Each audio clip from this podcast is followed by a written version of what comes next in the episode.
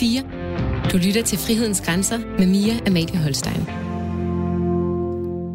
Vi kan ret hurtigt blive enige om, at der er nogle mennesker i det her land, som tjener nogle lønninger, som er rigtig høje. Ifølge Økonomisk Ugebrevs seneste analyse af topchefers lønniveau, så tjente Carlsbergs hollandske topchef i 2018 øh, en samlet årsløn på 52,5 millioner kroner. Det, nummer to på listen øh, var øh, TDC's nu forhenværende topchef Pernille Arnbjerg med 48 millioner kroner, efterfulgt af Danfoss' topchef Kim Fursing. Øh, Fausing, mm, der tjente 45 millioner kroner. I forrige uge kom det frem, at øh, Socialdemokratiet og SF vil sende stopper for de høje lønninger og bonusser, som vi ser i erhvervslivet. Og de samme toner hørte vi sidste år fra enhedslisten. Helt konkret så sagde SF's øh, Jacob Mark, at øh, de her topchefers lønninger, det er det rene gift for vores samfund, og en topchef maksimalt må tjene 20 gange mere end den lavslønnede i den samme virksomhed. Det vil altså sige helt konkret, at hvis vi har en virksomhed med en fuldtidsansat sekretær med en årsløn på 300.000 kroner før skat, jamen så må direktøren maksimalt få en årsløn på 6 millioner kroner før skat. Forslaget har dog den kattelem, at øh, lønnen kan være højere, hvis for eksempel generalforsamlingen, hvis et aktieselskab, øh, eller bestyrelsen, hvis det er et mindre virksomhed, kan, kan godkende en løn, der er højere. Men er det egentlig vores allesammens sag, hvad en direktør må tjene? Og hvad vil det sige egentlig at være sin løn værd? Målet med det her program, det er, at vi i den næste time skal tale om de etiske dilemmaer, der knytter sig til lønninger og topchefers lønninger. Mit navn er Mia Mette Holstein. Velkommen til Frihedens Grænser. Du lytter til Radio 4. Og med mig i dag, der har jeg øh, to rigtig gode tænkere, synes jeg. Øh, Pelle Dragsted, tidligere medlem af Folketinget for Enhedslisten. Velkommen. Tak skal du have. Og velkommen til dig, Thomas Berndt Henriksen, som er erhvervsredaktør på Berlingske. Velkommen til dig også. Tak. Jeg kunne rigtig godt tænke mig at, at starte med at høre jer, om I mener, at der i dagens Danmark altså lige nu er for store forskelle mellem lønniveauet på hjørnekontoret og det er ude på gulvet. Pelle Dragsted, hvad tror du? Ikke overraskende, jeg tror jeg for lytterne, så synes jeg, at øh, det, øh, at lønforskellene er alt for store. Altså jeg synes, at det er helt udmærket, at man kan tjene penge ved hårdt arbejde. Øh, og jeg har heller ikke noget imod, at der er en, en vis forskel. Men, men når vi ser eksempler som ja, for eksempel netsdirektøren, der udbetaler en bonus på en halv milliard til sig selv, altså, så svarer det jo til et beløb, som en for eksempel sociohjælper ikke vil kunne tjene på et helt arbejdsliv. Og så er vi altså ude i noget, der, der er perverst, eller hvis vi hører de her eksempler på en løn, der er over 200 gange højere end, end gennemsnitslønnen for, for almindelige medarbejdere, øh, ja, så er vi ude i noget, som jeg synes er, er perverst, det er uretfærdigt, det er uetisk, og jeg tror, det undergraver øh, sådan tilliden i vores samfund, når forskellene bliver så store. Thomas Berndt, øh, får du også en følelse af noget perverst og uretfærdigt og uetisk, når du hører de her topcheflønninger? Nej, det gør jeg generelt ikke. Altså, det jeg tror, der er vigtigt for et samfund, det er jo, at i brede træk, at de lønninger, der bliver betalt, opleves som, øh, som, altså, som acceptable. Øh, og, og der må vi jo sige, der er eksempler på, hvor man kan sige, der er, nu nævnte du Nets, altså der er eksempler på øh, virksomheder, hvor, hvor folk spørger sig selv, hvordan kan man, øh, hvordan kan man så fortjene til det? Øh, og, og derfor er der en meget stor opgave for erhvervslivet i at, at få at dokumentere, at man kan også fortjent til de penge, man får. Øh, og, og gør man det, så synes jeg ikke, at nødvendigvis der er sådan noget loft for, hvor meget man skal have lov at tjene.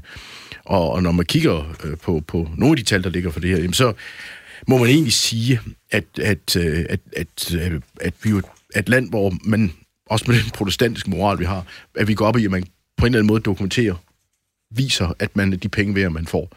Og der må vi jo være, være ærlige at sige, at der er der så nogle eksempler, og netsat er et skrigende eksempel. Men, men der er en meget stor opgave i erhvervslivet i at, at vise, at der er resultater bag de penge, man får. Og så synes jeg, at the, så er the sky the limit. Ja, jeg, jeg har også, øh, altså mit udgangspunkt er, at jeg ser Danmark, øh, og Danmark er øh, et af de mest lige lande, vi har i verden. Jeg synes ikke, at uligheden som sådan er vores øh, største issue. Øh, jeg synes, noget af det, du siger, øh, Thomas Bern, øh, er også vigtigt, at der skal være en eller anden øh, retfærdighed. Man skal forstå, hvor det kommer fra, og en løn gerne vil afspille, afspejle talent og evner, og hvordan folk vægter deres fritid og arbejdsliv osv. Konkret på de direktørlønninger, så... Øh, bemærker jeg også, at vi sammenlignet med udlandet ligger lavt, og der er jo sådan et international konkurrence i forhold til at tiltrække de bedste. Øh, men når det er sagt, så er det jo noget, der skiller vandene, og det er jo noget, vi synes, vi skal prøve at dykke lidt mere ned i her den næste times tid. Jeg har en mistanke om, at der også er nogle forskellige begreber på spil, når vi siger, hvad er, hvad er et menneske værd, hvad er en løn værd, hvad er det for et værdibegreb, der gemmer sig under det. Og det kommer vi tilbage til lige om lidt. Du lytter til Frihedens Grænser med Mia Amalie Holstein. Pelle, når jeg tænker over det her med, med cheflønninger, øh, så kan jeg godt nogle gange komme fange mig selv i sådan en, øh, en, en tanke om, hvor er det etiske problem i virkeligheden henne? Altså hvis der er to mennesker, som laver en eller anden frivillig transaktion, en virksomhedsejer og en direktør, hvem er det så, der bliver skadet af, at de så bliver enige med hinanden om, at direktøren skal have en meget høj løn? Grundlæggende er det jo sådan, at velstand, øh, og det er nok den helt centrale synspunkt for en socialist, som, som jeg og altså socialdemokrater i øvrigt også, øh, at velstand jo er noget, som altid skabes i fællesskaber. Altså, når virksomhederne kan skabe værdi, så er det altid på ryggen af et samfund. Altså, der er en infrastruktur, som står til rådighed for virksomhederne. De får uddannet arbejdskraft af samfundet. Øh, deres medarbejdere kan få passet børnene i daginstitutioner. De kan blive behandlet på hospitalerne. Der er et politi til at beskytte deres varelager. Så øh, velstand skabes og bygger på fællesskab, forskning, som typisk er offentligt betalt, og ikke mindst jo altså på lønmodtagernes arbejde. Altså man kan sige, uden lønmodtagerne, så var der jo slet ikke nogen værdi. Det kan være, at de kommer til at vise det her i løbet af foråret, hvis der kommer en, en stor konflikt. Men hele forudsætningen for, at der overhovedet er noget som helst værdi, det er jo, at der er nogle, nogle mennesker, der står og skaber de varer og ydelser, som, som sælges.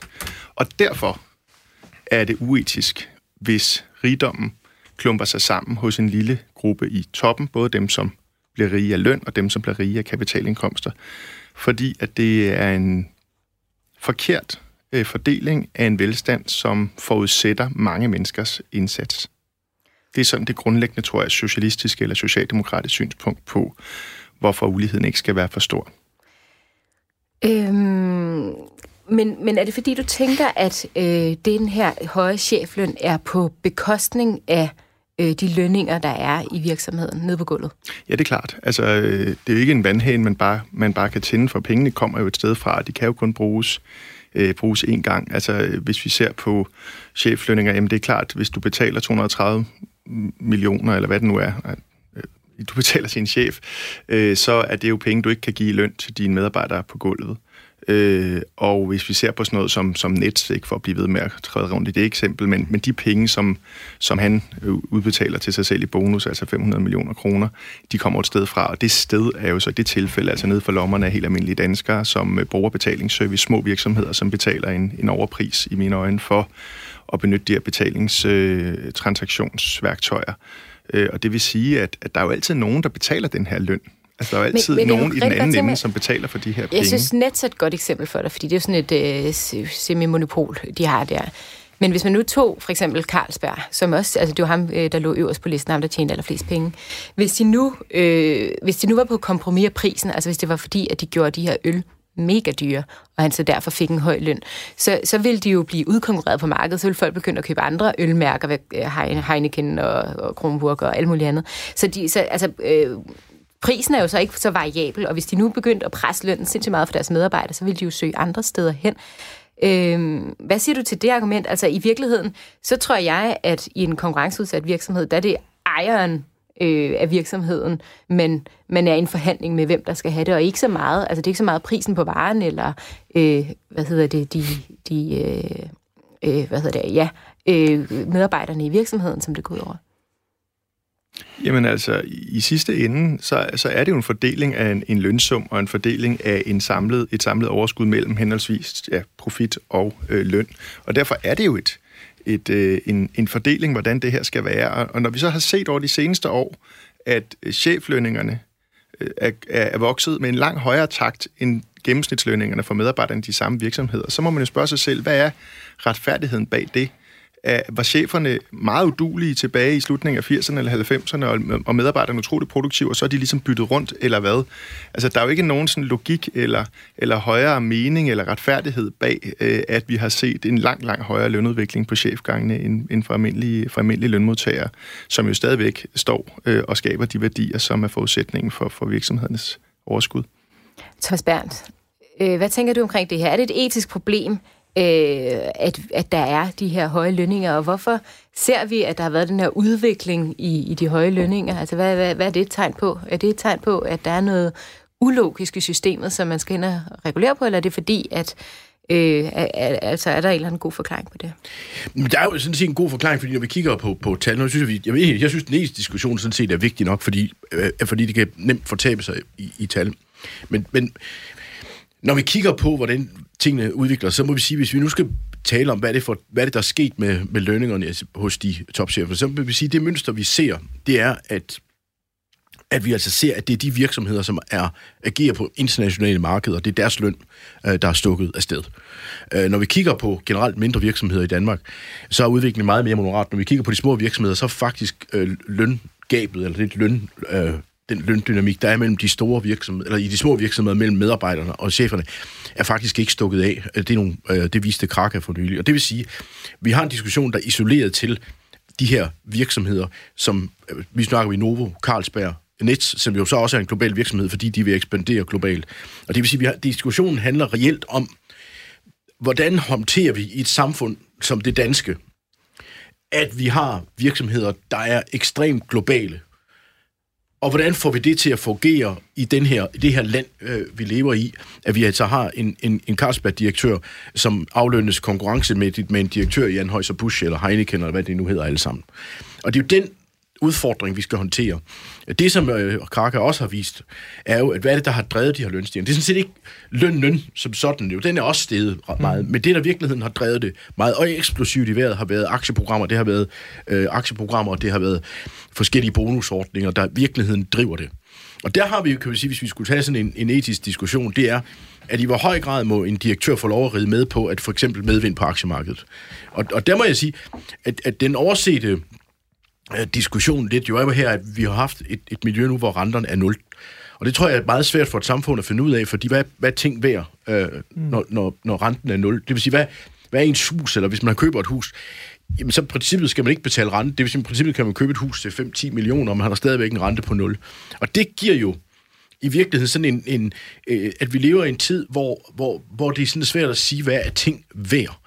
Og, og der kommer topcheferne jo til at ride på en aktiekursudvikling, for eksempel, hvor de kan få nogle gevinster, øh, som i, i samfundets optik kommer til at virke øh, meget øh, urimelige. Bliver du ramt på dine følelser, når du, når du øh, tænker over, hvor voldsomme øh, de her er? Kan du godt, får du den der Jamen, jeg bliver nok ramt. Er... Jeg tror, jeg bliver ramt på en anden måde end, end, end, end Pelle Dragsted.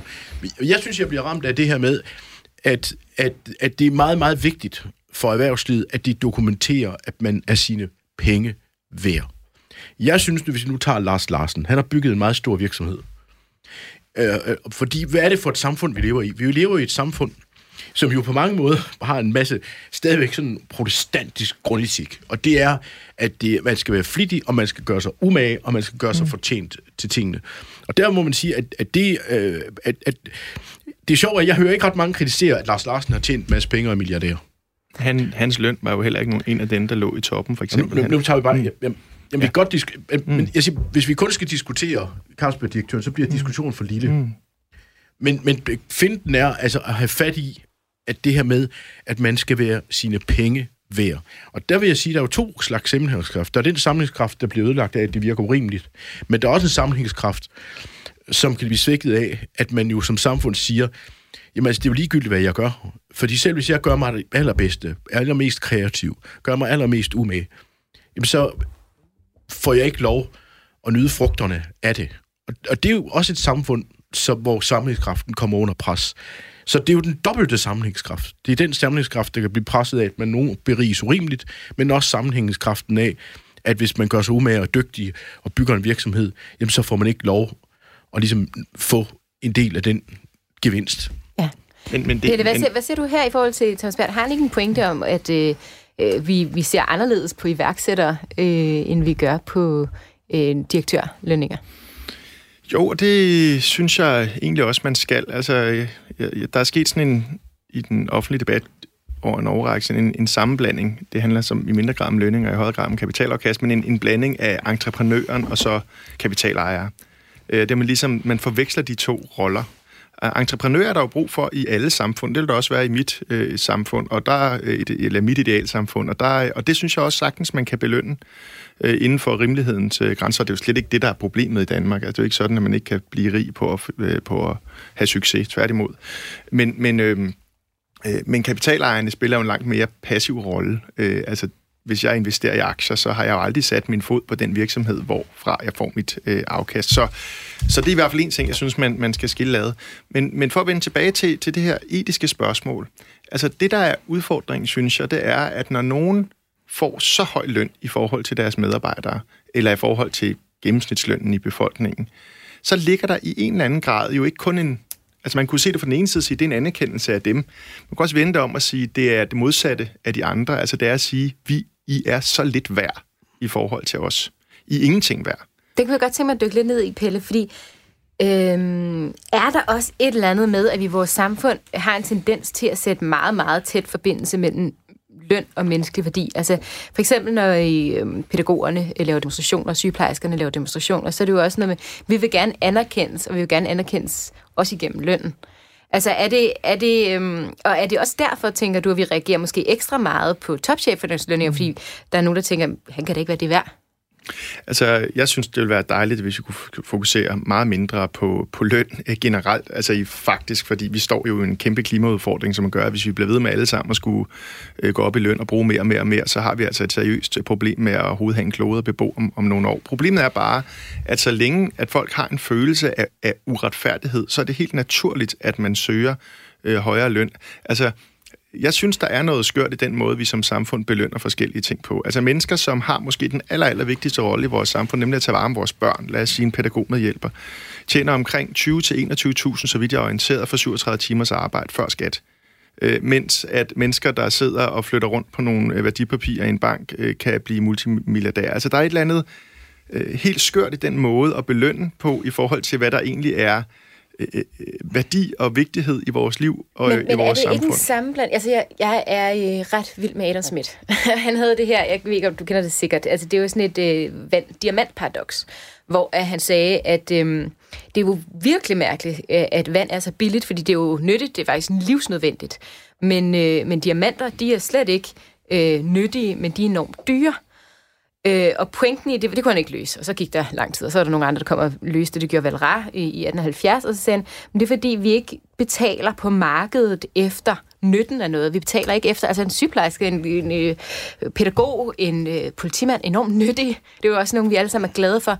Men, men vi betaler efter grænsenytten. Vi betaler efter øh, i forhold til, hvor mange vi har i forvejen. Altså, så øh, fordi vi har mange skolelærer, øh, så er prisen lav, og vi har ret få øh, potentielle Carlsberg-direktørkandidater, så er prisen høj. Altså, er, det ikke, er, der ikke noget, er det ikke noget af det her, der altid går galt i den her diskussion mellem højrefløj og venstrefløj? Det her med, at vi ser værdi som noget forskelligt. Altså, du siger, altså jeg, jeg, jeg hørte dig sige det sådan lidt i filosofisk kontekst, altså det giver mening, og der er jo fuldstændig enig, politimanden, politibetjenten og så videre, det giver mening at have de her, men øhm, øh, altså, øh, og så kan man sige, hvad med en eller anden øh, aktiespekulant, giver det lige så meget mening, det job? Nej, måske ikke, men, men markedet fungerer sådan, at vi prissætter efter grænsenytten, og det er måske en lidt anden ting. Hvad tænker du omkring det? Altså, for det første så, øh, og det kan måske vende tilbage til, så den her forestilling om markedet sådan som, som noget ikke politisk eller før politisk, det, det, det mener jeg jo er grundlæggende forkert. Altså markedet og den måde lønninger dannes på og priser dannes på, er jo ekstremt politisk. Øh, så, øh, så, så det kan vi lige gå tilbage til. Det andet er, at altså, selv hvis man nu accepterer den præmis, så mener jeg stadigvæk ikke, hvad er det, der, der forklarer, at danske virksomheder har haft en langt større lønudvikling på, chef, på de chefgange i de største virksomheder, for eksempel vores nabolande over Sverige. Det er jo ikke, fordi de ikke har globale virksomheder. Øh, det tyder på, at det her handler om en, en kultur, øh, og, og, og, og der kan man sige, altså, i, i, i Thomas Piketty's seneste bog, som ikke er oversat endnu, der øh, går han jo igennem verdenshistorien, ligesom kigger på, hvordan har forskellige herskende klasser, hvis man må bruge et gammeldags ord, retfærdiggjort og begrundet deres egen position og rigdom og uligheden i samfundet. Og altså, i feudaltiden, altså i, hvor, hvor det var øh, baroner og grever, jamen der mente de også, at de var øh, helt særlige i samfundet og havde en helt særlig ret øh, til at have en højere indkomst og en højere placering og have større indflydelse end alle andre. Og det er det, der sker ude på chefgangene lige nu. Altså man sidder, som, som Thomas måske også og andre, sidder i bestyrelseslokaler. Den, der er direktør i det ene virksomhed, er typisk også bestyrelsesmedlem i en anden. Og der er man altså blevet enige om, at vi er en helvedes masse penge værd. Øh, og derfor så betaler man, har man set de her meget store lønglidninger. Så det er først og fremmest en, en kultur. Det, det er ikke noget, som, som markedet som sådan har, har drevet frem, fordi at det er en relativt begrænset gruppe, øh, der afgør, hvordan lønningerne skal være på, øh, på, i de her store virksomheder. Så... Det er jo så det, det, er så der, jeg, der er jo, altså det billede er jeg jo selvfølgelig uenig i, fordi beskrivelsen af de tabs, jeg betaler om, er jo lønmodtager. Altså nu, det er jo ikke kapitalejerne. Og det er der, jeg mener, at analysen bryder sammen, fordi ud fra din analyse skulle det jo så være dem, der ejer virksomhederne, der skulle, der skulle tage de penge, som de har givet til topcheferne. Og det synes jeg taler imod øh, det, du siger. Så synes jeg også, det der er lidt ærgerligt ved debatten, er jo, at vi taler på nogle få eksempler. Nu, vi snakker om i Danmark C25-segmentet plus. Mm. Vi snakker 25 mennesker. Og nu siger sådan hårdt stillet op. Det gør vi det 30 eller 45.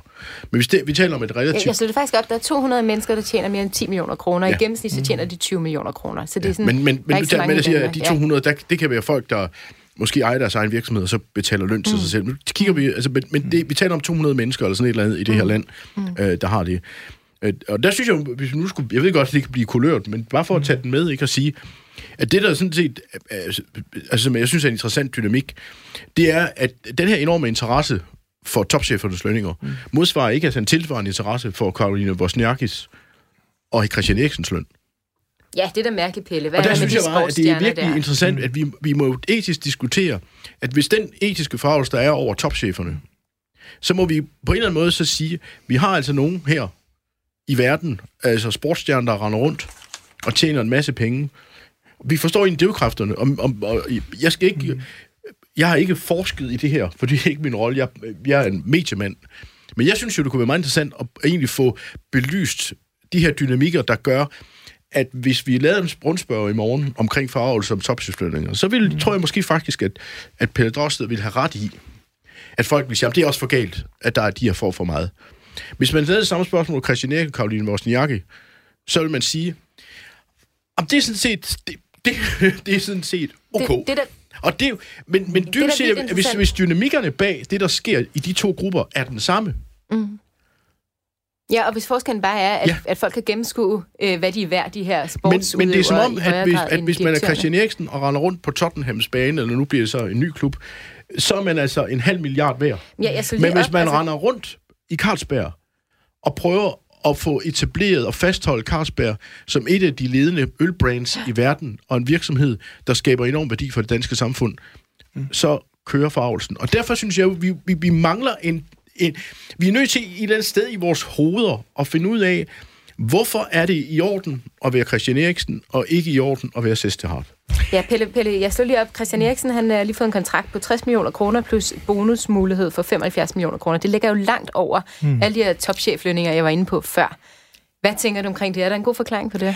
Altså, først og fremmest, øh, det er rigtigt, hvad du siger omkring, at det er ganske få, som tjener meget i Danmark, og derfor synes jeg også, man skal passe på med at lade den her debat om toplønninger fylde. Jeg synes jo, det er et langt større problem, den udvikling, vi har set, hvor kapitalindkomster løber med en større del af, af kagen end, end lønindtægter.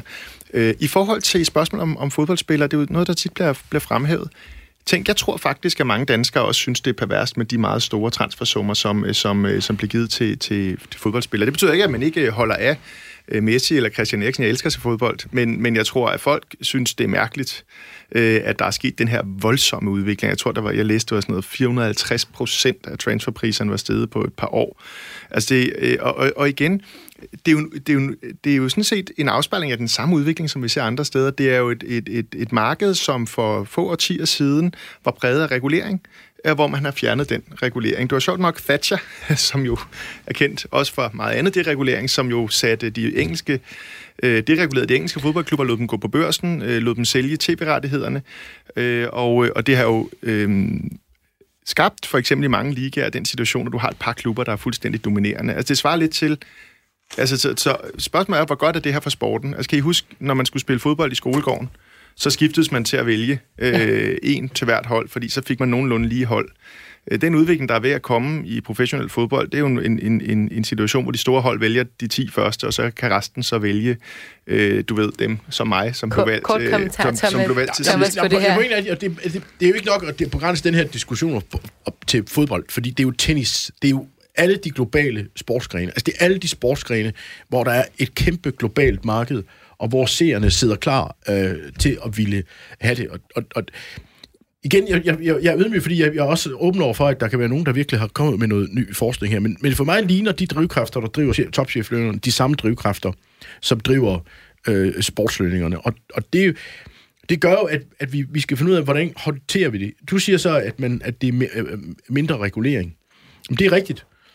Omvendt må man også sige, at, at det er jo utroligt, altså, at, at en af de ting, der gør livet godt for folk, det er jo det her med, at tænk den begejstring, som det her... Altså, altså, det er jo, en del af vores liv er jo, at det her at se fodbold er blevet en bedre oplevelse.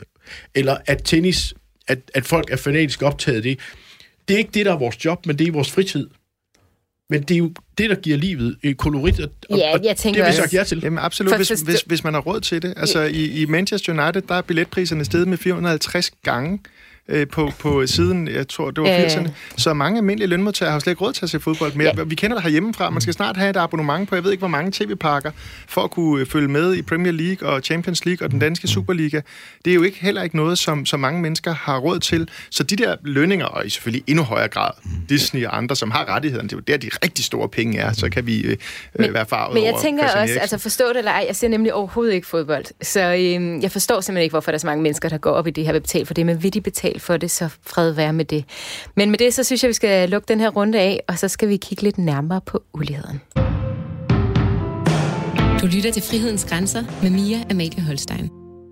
Altså, når man kigger på perioden fra 1994 og frem, så har den gennemsnitlige indkomst været stigende. Den har steget 45 procent, og det betyder, at næsten alle familietyper, LO-arbejderen, funktionæren, direktøren, har oplevet en indkomstfremgang i det månedlige rådighedsbeløb. Kun tre familietyper er gået tilbage. Det er unge på kontanthjælp, unge på dagpenge og indvandrere. Det har de gjort, fordi at politikerne har været med til at lave aftaler om, at de skal have lavere ydelse, blandt andet for at øge incitamentet til at arbejde.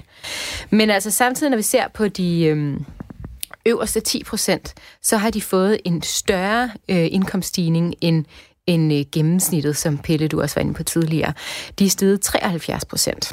Øhm, og det er, selvom altså Danmark stadigvæk er en af de mest lige lande. Men hvad er effekten af den her større ulighed, som vi har set? Det har vi spurgt eh, professor på Institut for Statskundskab, Kasper Libert Rasmussen, frem fra Aarhus Universitet, som jeg vil afspille et klip med nu. Altså, jeg tror, det er en ret central del af mange danskers opfattelse af det danske samfund, at øh, de opfatter Danmark som et, et samfund, som er meget lige i forhold til mange andre samfund øh, i verden selv danskere, som måske i mange sammenhæng synes, at vi er gået for vidt i forhold til at reducere ulighed, øh, er for eksempel stolte, hvis man sammenligner det danske samfund øh, med det amerikanske samfund i forhold til de former for, for ulighed, som man så finder i det amerikanske samfund. Jeg tror også generelt, at følelsen af at øh, leve et samfund, hvor man kan være rimelig øh, rimelig stor tillid til andre mennesker, i høj grad er noget, der er forbundet med, at man lever i et øh, samfund, hvor der ikke er alt for høj grad af ulighed. Og formentlig ved en udvikling, at der bliver mere med ulighed i Danmark, og vi på den måde kommer til at minde mere om mange andre øh, samfund i verden, øh, så vil man måske af den grund også kunne forvente, at øh, det, det generelt tillidsniveau i det danske samfund vil falde.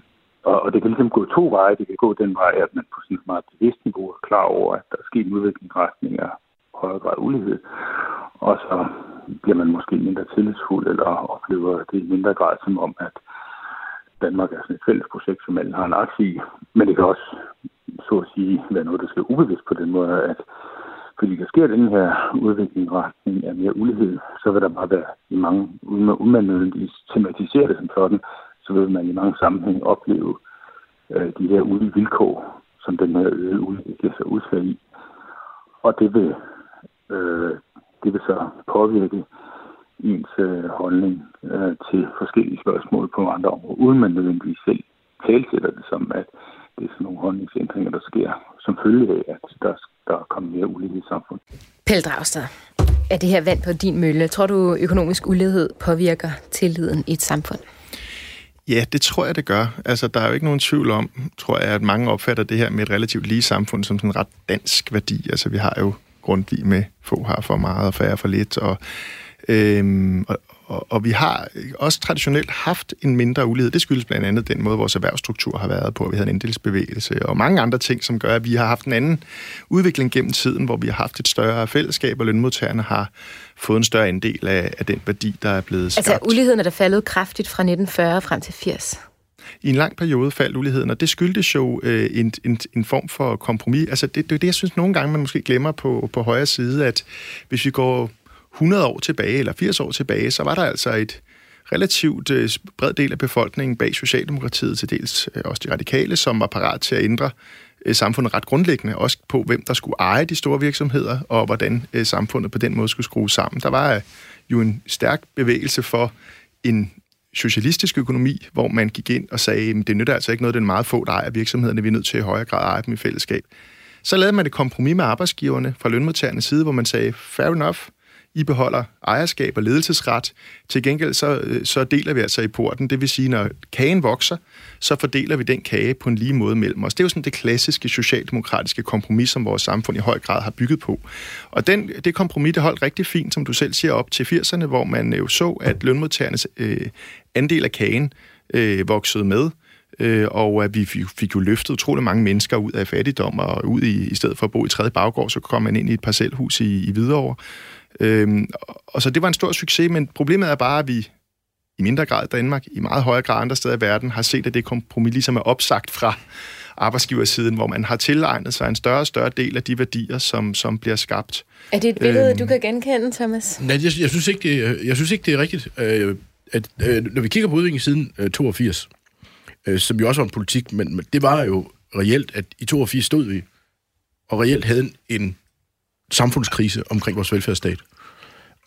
Øh, og det, der skete siden 82, har jo været, at man får faktisk at sikre velfærdsstaten, og sikre, at, at man kunne betale det, man skulle. Så gennemførte man en stribe reformer, der har gjort, at man har, at vi i dag står med et, et ret stærkt samfund. Øh, det er jo klart, at jeg synes jo, øh, at den model, vi har haft, hvor man har haft de her forhandlede overenskomster, og hvor øh, medarbejderne i virksomhederne har sikret sig del i de produktivitetsstigninger, der var, har været af, af det samfund, som, som jo har fungeret for Danmark. Øh, jeg, jeg vil sige, øh, når vi taler om, om tilliden, øh, så må jeg sige, at, at når vi kigger meget langt tilbage i Danmarks historie, har vi jo sådan set haft et tillidssamfund. Øh, og jeg vil sige, hele efterkrigstiden, at det jo har været et, et tillidssamfund. Og jeg må sige, billedet af, at, at, øh, at tilliden, eller mistilliden i det her samfund er vokset øh, siden 82. Altså, jeg, hvis man kigger på målinger om også internationale lag, som i virkeligheden er, altså alle de målinger, der er omkring lykke, er i virkeligheden en tillidsmåling. Det er, når jeg går ned gennem strået, er jeg så bange for at blive slået ned. Mm. Ja, så, så må man sige, at, at, at, at så er det jo en, så er det jo en fortælling om, at vi har jo bevaret et tidssamfund. Så er uligheden jo, øh, den målte ulighed jo klart stedet. Vi forstår nogle af drivkræfterne. Men, men du mener ikke, der er sammenhæng mellem øh, uligheden og til, altså hvis vi lavede mega meget mere omfordeling, ville vi så få højere tillid? Altså mener du, der er den sammenhæng? Jamen, jeg mener, hvor, hvor, det samfund, vi har, det er jo om det her, det er et samfund, hvor man ser hinanden, og hvor man har respekt for hinanden. Øh, og, og vi må jo sige, at de indkomstforskelle, der er kommet i Danmark, har været drevet, i meget høj grad har været drevet af, når man kigger på boligpriser på aktiekurser, så dem, der har ejer boligaktier, de er drevet af det. Og en af de ting, øh, jeg sådan lidt savner en diskussion er, det er, nu har jeg netop lige læst den der Branko Milanovics bog om mulighed, som jeg synes er, vel, er meget interessant og velskrevet omkring dynamikkerne i, i, i den her ulighedsudvikling. Nemlig at finde ud af, er der reelt sket et skift i den her dynamik? Øh, ting, han ikke så, så meget ind på, men som jeg synes er en interessant sådan ting at have fat i, det er jo for eksempel det her enorme rentefald fra 82 til i dag. Altså faktisk hele den reformperiode, vi har i Danmark, falder egentlig sammen med, at renterne bare er faldet, faldet, og dermed skruede formueværdierne øh, op. Og, og, og det vil sige, når vi kigger på den målt ulighed, så kan vi ikke så må vi sige, at der er en dynamik her omkring renten, øh, som vi skal, vi skal prøve at forstå, hvor dem, der ejer noget, de har så fået nogle gevinster, dem, der ikke ejer noget, øh, ikke har fået. Øh, det billede kan så ændre sig. Det er det, som øh, Milanovic kalder den underartede øh, øh, den underartede, øh, skal vi sige, øh, fald i uligheden, som drives af, at samfundet, så, at vi får en krise, og at samfundet bryder sammen, og formueejerne taber en masse penge. Og det er måske den næste bevægelse, vi vil se, øh, at hvis vi ser den her skift i renteudviklingen, jamen, så vil vi se, at, at uligheden pludselig gør den anden. Og det er også derfor, jeg er sådan lidt bekymret, når man hører sådan, øh, nu hørte vi ham, øh, professoren, du, du har talt med. Altså, jeg synes jo, at, at det, han kommer med, øh, jeg savner simpelthen at, at, at det er jo sådan noget, alle kan sige. Altså, jeg synes ikke, han kommer og leverer indsigt. Jeg, hvor, øh, altså, lad os nu sige, hvad er det reelt, der foregår i vores samfund? Øh, jeg må altså også sige, hvis jeg skal sådan erkende, det kan måske være lidt pinligt, men altså det der sammenhængskraft, jeg forstår det ikke. Jeg synes, det er enormt fluffy. Altså det er jo det her, hvis vi, hvis vi med sammenhængskraft mener social tillid, altså tilliden til de mennesker, vi har omkring os, øh, så ligger Danmark jo i top. Og det er jo vigtigt, og det er jeg med på i forhold til sådan noget med uddannelse, kvalitet og retsvæsenet, og vi arbejder effektivt sammen, og det er godt, alt det her. Men, men jeg tror ikke, at uligheden har den her, det, det er nemt at sige, hvis vi siger ulighed, så går det ud over sammenhængskraften, det er nemt at sige, men jeg tror altså ikke, det har den her effekt. Tværtimod, så tror jeg måske, det kan være den omvendte effekt, at hvis vi omfordeler øh, utrolig meget mere, så vil folk opleve uretfærdighed. Og som, øh, som Hayek sagde i den The Road to Selfdom, så sagde han, at uligheden er utvivlsomt lettere at bære, øhm, og påvirker personens værdighed mindre, hvis den bestemmer sig noget helt uden for personen, altså upersonlige kræfter kaldte han, øh, end hvis det er design, altså hvis det er staten, der går ind og omfordeler. Jeg tror altså også, at der er en større effekt af øh, den uretfærdighed, der vil komme af en omfordeling, end, der, der, altså, end jeg forstår øh, som det her lidt fluffy begreb, vi, vi meget bruger i øjeblikket med sammenhængskraftens effekt på uligheden. Men altså, enlighten me, Pelle. altså for det første, så er jeg jo fuldstændig enig i, at Danmark stadigvæk har en meget høj grad af tillid og sammenhængskraft, hvis man skal bruge, jeg er enig i det fluffy ord, men altså nogle af de eksempler, som Thomas kommer, vi kan gå på gaden, vi går, og vores børn går stadigvæk relativt meget i skole med hinanden, vi bor nogenlunde blandet, selvom det kunne være meget bedre, øh, i forhold til andre lande, hvor overklassen bor i gated communities og aldrig mødes med, med, med deres medarbejdere. Der, der er vi jo stadigvæk et, et relativt... Øh, sammenhængende samfund, selvom det er gået den forkerte vej. Og det, og det er jo ikke af sig selv. Altså, det er jo fordi, vi har øh, en meget høj organisationsprocent i vores fagbevægelse, som gør, at den ikke er blevet kørt over ligesom andre steder. Det er jo fordi, vi har en, en, en omfordelende stat. Så, så, så det er jo noget, vi virkelig skal, skal værne om, for vi kan jo se, hvordan det kan gå i andre lande. Altså, når vi ser de her autokratiske kræfter vinde frem, når vi ser en Trump, når vi ser en Boris Johnson, når vi ser en Orbán, jamen så er det jo udtryk for en underliggende øh, repræsentationskrise. Altså folk føler sig ikke, har ikke følt sig repræsenteret af det politiske, så, så, når, du, øh, så når du spørger om det der, hvad, hvad, er det, der hvad, hvad er det for nogle tegn, vi ser, som gør, at det her er et problem? Jamen altså, det, det er jo grundlæggende, altså, vi har et flertalsstyre. Det var der jo rigtig mange højreorienterede, der var meget bekymret for dengang, man indførte, fordi man tænkte, åh oh, nej, hvis nu er, at alle almindelige mennesker også får lov at stemme, så kommer de bare og tager vores værdier fra os.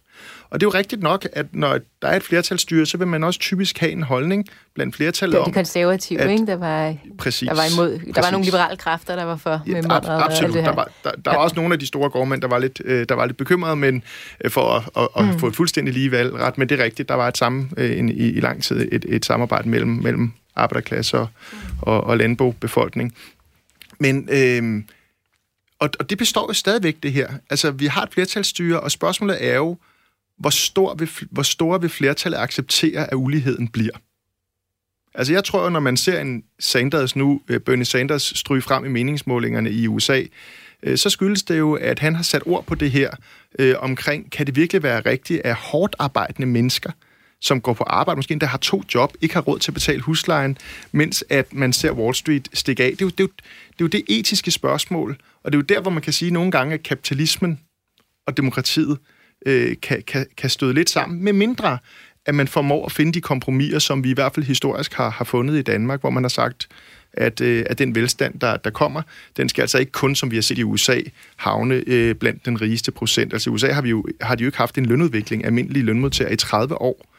Øh, og, og, og alt, hvad der er skabt af velstand, Thomas, er gået til, til en lille bitte elite Thomas, du får lige den sidste jeg, kommentar på jeg, jeg, den her. Enig, jeg, set, altså, jeg mener, at analysen i USA har, har noget på sig, øh, fordi det, vi kan se målinger i USA, er jo, at den sociale mobilitet i USA er faldet. Og vi kan se, at USA har et problem med working poor. Vi kan se, at USA har et problem med at få uddannet sin befolkning.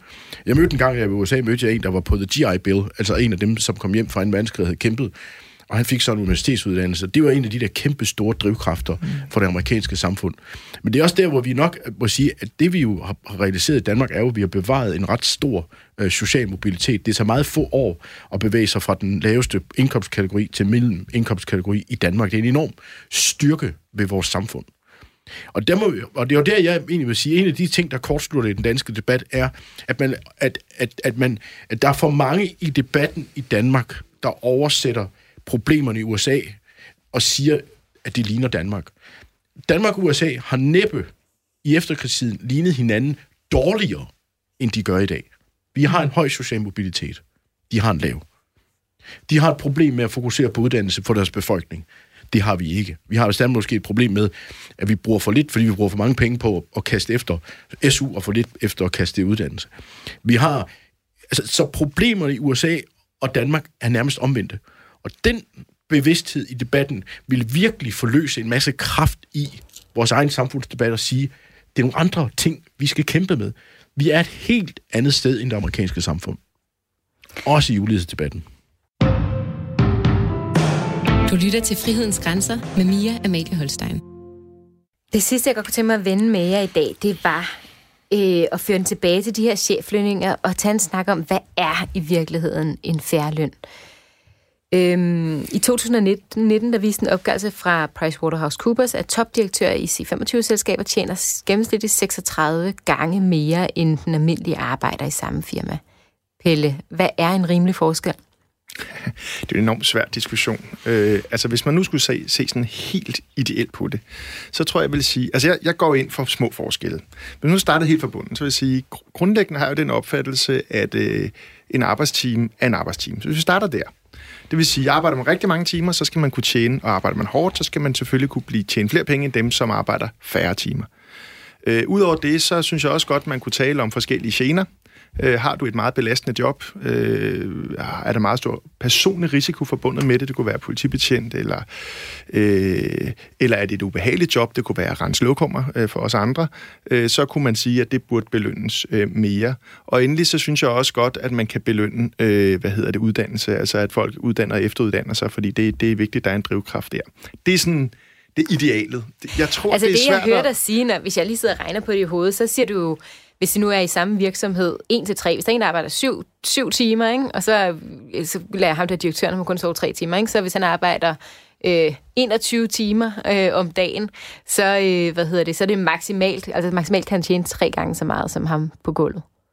Øhm, altså, det er ligesom sådan, øh, hvis man siger ide- Ja. ideal situation. Jeg, jeg, jeg tror så, at i enhver øh, økonomi, også den, jeg gerne vil, vil, vil, vil skabe, øh, der er der nok nødt til at være nogle yderligere strukturer i forhold til, hvis man vil have en form for, øh, for markedsøkonomi øh, økonomi eller markedsudvikling, hvilket jeg tror, øh, man ikke skulle næsten sige, desværre kommer udenom, hvis man skal have en, en, effektiv, øh, en effektiv økonomi, øh, så er det muligt, at, at, at man er nødt til at acceptere en lidt større grad af, af af forskel Men, men synes, du, altså, synes du, SF Men- går alt for langt, når de siger 1 til 20? Nej, det synes jeg overhovedet ikke. Jeg synes, de går øh, alt for blødt til værks. Okay. Jeg synes, 1-10 vil være et, et fint sted at sætte en grænse. Nu skal man jo være klar over, at SF's forslag lyder vidtgående, men det er det jo ikke, fordi allerede i dag er det jo aktie, øh, altså at bestyrelserne i selskaberne, der bestemmer lønnen. Her skal de bare ligesom Altså, så, og det, det ændrer ikke det her. Altså, jeg så jo gerne, man, at, at man gik videre og fandt ud af, hvordan man på andre måder kunne skabe incitamenter for at, at, at, at skabe en, en, en mere rimelig Okay, så du synes 1 løngab. til 10 kunne måske være færre i den ideelle, idealiserede verden? 1 til 10 Altså i min ideelle forhold. verden vil vi, endnu, vil vi skulle endnu lavere ned. Der skulle lønforskellene slet ikke være så store. Øh, Det kunne vi måske snakke 1 til 3 eller 1 til 5. Jeg synes ikke, der er,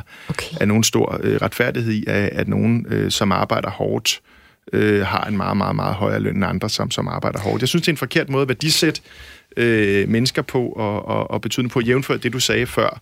Øh, og det er så den måde, øh, den måde, vores økonomi er skruet sammen på. Altså en, en hvad kan man sige, en privatkapitalistisk markedsøkonomi. Øh, den har altså de her øh, øh, belønningsstrukturer, som, som du var inde på, og som du skrev for Adam Smith. Men det er jo ikke nogen nødvendighed, at et samfund er skruet sådan sammen. Man kan jo godt skrue økonomier sammen, som, øh, som belønner øh, på andre måder, øh, end, end det, vi ser i dag. Og Thomas, Det, det er jo det, jeg ønsker det gør, det gør dybt ondt på mig, dybt inde i mig, når Pelle siger sådan nogle her ting. Hvordan reagerer du? Altså, vi skulle måske lave en, øh, en, en lidt mere, en mindre blød regel, der siger 1 til 3 eller 1 til 5 på lønninger. Hvad, Jamen, altså, jeg, slet tænker ikke, du? jeg synes jo, jeg synes, det, jeg synes, jeg synes, det er helt... Altså, jeg synes jo, det crazy ligger i, at man i Danmark Øh, altså, jeg synes reelt ikke, at man burde diskutere SF's forslag. Altså, det er fint, at man diskuterer, men 1 til 20 og sådan noget. Altså, der er vi jo, i min bog, det er helt forkerte sted hen.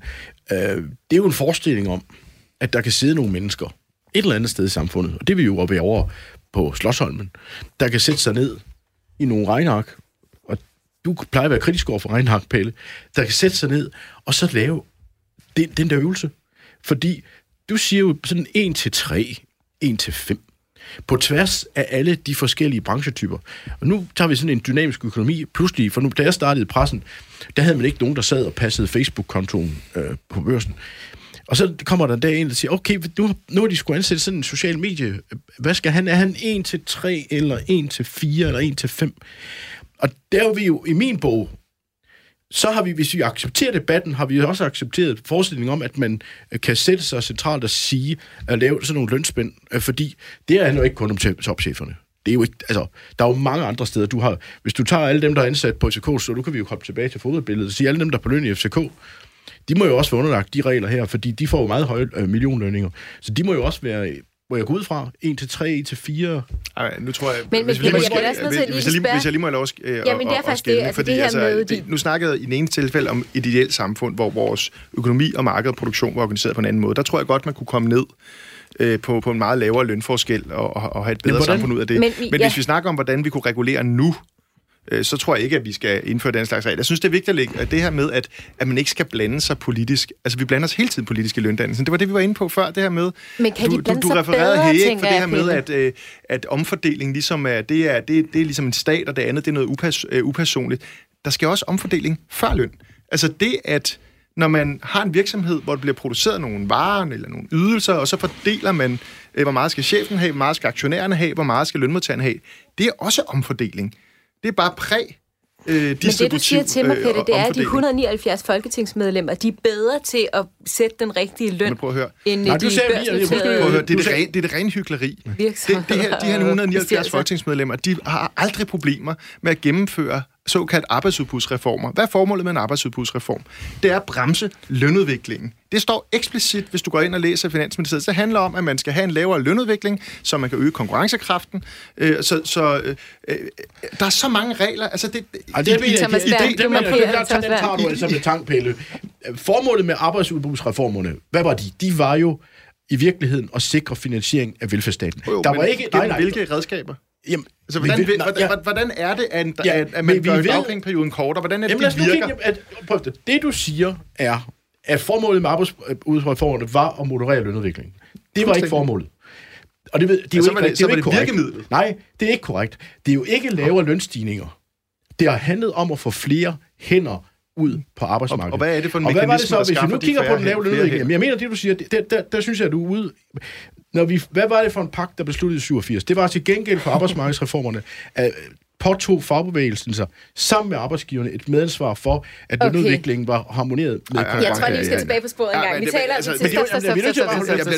korrekt. Vi taler om en færre løn her, og vi, øh, vi, vi er i gang med at tale om, hvad er i virkeligheden en færre løn for de her topchefer. Øhm, og det, jeg tænker på, det er, at jeg kan godt være bange for, at hvis vi nu øh, giver dem mindre end det, de kræver i den internationale konkurrence, så vil der ske det, at vi ikke kan hive de bedste topchefer til os. Så vil det gå ud over produktiviteten i de her virksomheder, det vil gå ud over skattebetalingerne. Hvis vi kigger på det, så øh, betaler de jo voldsomt meget i, i skat, netop til politibetjentene og sygeplejerskerne osv.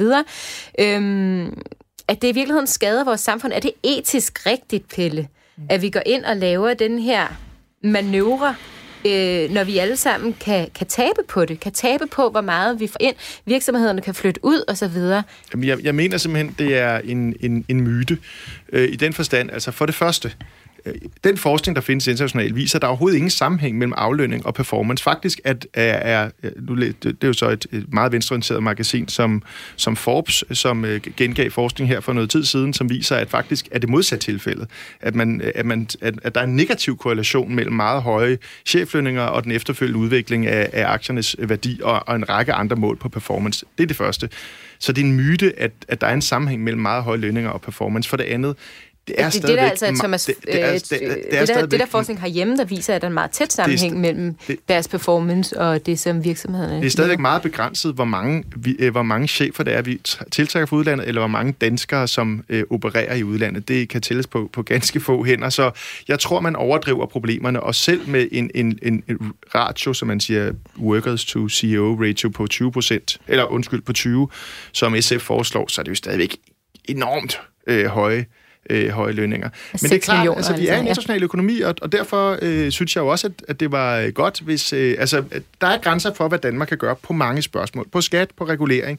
Og det er jo derfor, det er vigtigt at, øh, at lægge mærke til, hvad der for eksempel sker ved valget i USA her i efteråret, hvor der vi måske kan se en udvikling. Men jeg Thomas, sige, et stykke vej, for nu læser jeg jo krakanalysen, og jeg ved, der er alt muligt forskning. Men jeg er sådan set lidt, altså, lige der er jeg sådan set lidt enig med Pelle Dragsted, at der, der er ikke Øh, når vi kigger på, på i hvert fald de senere år, og så bruger Kaka-undersøgelsen som, som udgangspunkt, jamen så, øh, så er der nogle ting i de her dyrflyvninger, som ikke kan forklares med omsætning og produktivitet. Øh, og det afspejler netop også, at dynamikken i løndannelsen ikke er styret af det, men netop styret af et globalt arbejdsmarked. Det er jo sådan set det, der er udfordringen for os, det er jo, at vi har en Carlsberg og Novo. Hvis vi kun havde sådan små virksomheder og lukkede grænserne, så ville vi slet ikke have den her diskussion, men det er fordi, vi har virksomheder, der konkurrerer internationalt, og hvor lønfastsættelsen på topchefniveau foregår på internationale vilkår.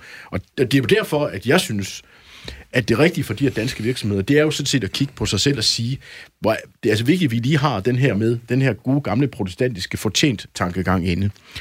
Noget, som jeg så til gengæld synes, er, hvor jeg tror, at, at, hvor vi jo nok helt sikkert er uenige, det er jo, at, at jeg synes, det er, at, jeg, jeg synes det her, øh, for at tage to eksempler, vi har det er som om, at vi i dag føler politikerne, at de kan regulere ned i meget, meget bitte små dele af samfundet. Jeg mener, det SF-forslag her beviser, at der er en vilje til at regulere helt ned i nogle områder, hvor man må sige, at der er nogle andre virkemidler. Hvis man er utilfreds med, med, med aflønningerne, så, må, så har man jo skatteinstrumentet. Men jeg synes, det afgørende er jo, vi havde det også med, med, med den der refleksionsperiode i skilsmisseloven, hvor man går helt ned ja, og nørder.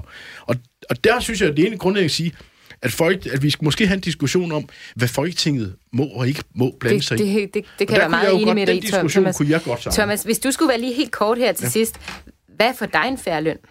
Du siger, at protestantisk... Jamen, ja, løn findes desværre ikke, fordi... Det findes ikke. Øh, og det er jo vilkår. Øh, det er jo, at når jeg kigger rundt, og så... Der er jo masser af eksempler, hvor man kan diskutere... Vi må erkende, færre løn findes ikke. Og forestillingen om færre løn øh, findes ikke. Det, man kan være glad for i det her land, det er jo, at langt de fleste mennesker har en løn, hvor de kan få have et godt liv. Men at løn bliver retfærdig, og det er jo den form for, og det er nok der, jeg og mig og Pelle Dragsted har en grundlæggende uenighed, det er, at, at, om jeg kan vurdere, hvad der er retfærdigt. Det kan jeg ikke. Du lytter til Radio 4. Vi er nået til vejs ende, øhm, men før slutter, så vil jeg gerne lige fremhæve et par ting. Jeg synes faktisk, det var sindssygt interessant øh, at have inde, der har så, så forskellige positioner. Øh, Pelle, du startede ud med at sige det her med, at velstand skaber, øh, skabes i fællesskaber, og det er ligesom fra det udgangspunkt, du tager hele debatten. Øh, det er lønmodtagernes arbejde, men det er også daginstitutionerne og politiet og, og, øh, og så videre, og det er uetisk, øh, hvis vi lader den her rigdom klumpe sig sammen. Jeg synes også, det var sindssygt øh, tankevækkende, du sagde det her med, at vi kan jo bare lave reglerne om. Der er jo noget sådan, du siger, at vi har det her øh, kapitalistiske markedsøkonomi, øh, men den behøver ikke være, som den er. Den udfordrer du, og du var helt nede og sætte nogle tal på, hvilket også synes var interessant. Sådan 1 til 3, 1 til 5 i den måske bedste af, af, af dine eller alle verdener, ikke?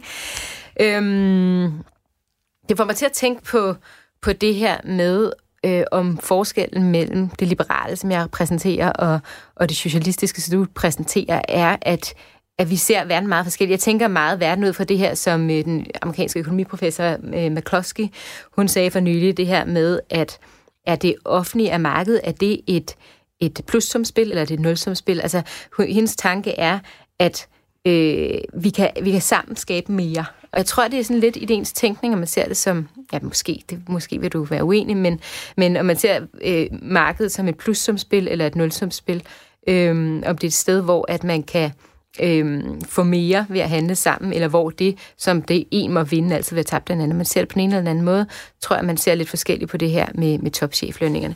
Det gør mig grundlæggende fra mit udgangspunkt nervøs, når S og SF de vil stoppe de her direktørs, øh, hvad de kalder monsterlønninger For de er bange for, at det bliver dyrt. Og noget af det, du var inde på, Thomas Berndt, øh, du anerkendte, at erhvervslivet ligesom skal forklare den her høje løn, og det er vigtigt. Men at der ikke findes en færre løn, og man ikke kan gå ind som politiker og, og fastsætte den. Det er jeg sådan set meget enig i, og, og du sagde også, at vi skulle holde fast i den her protestantiske fortjeneste tankegang.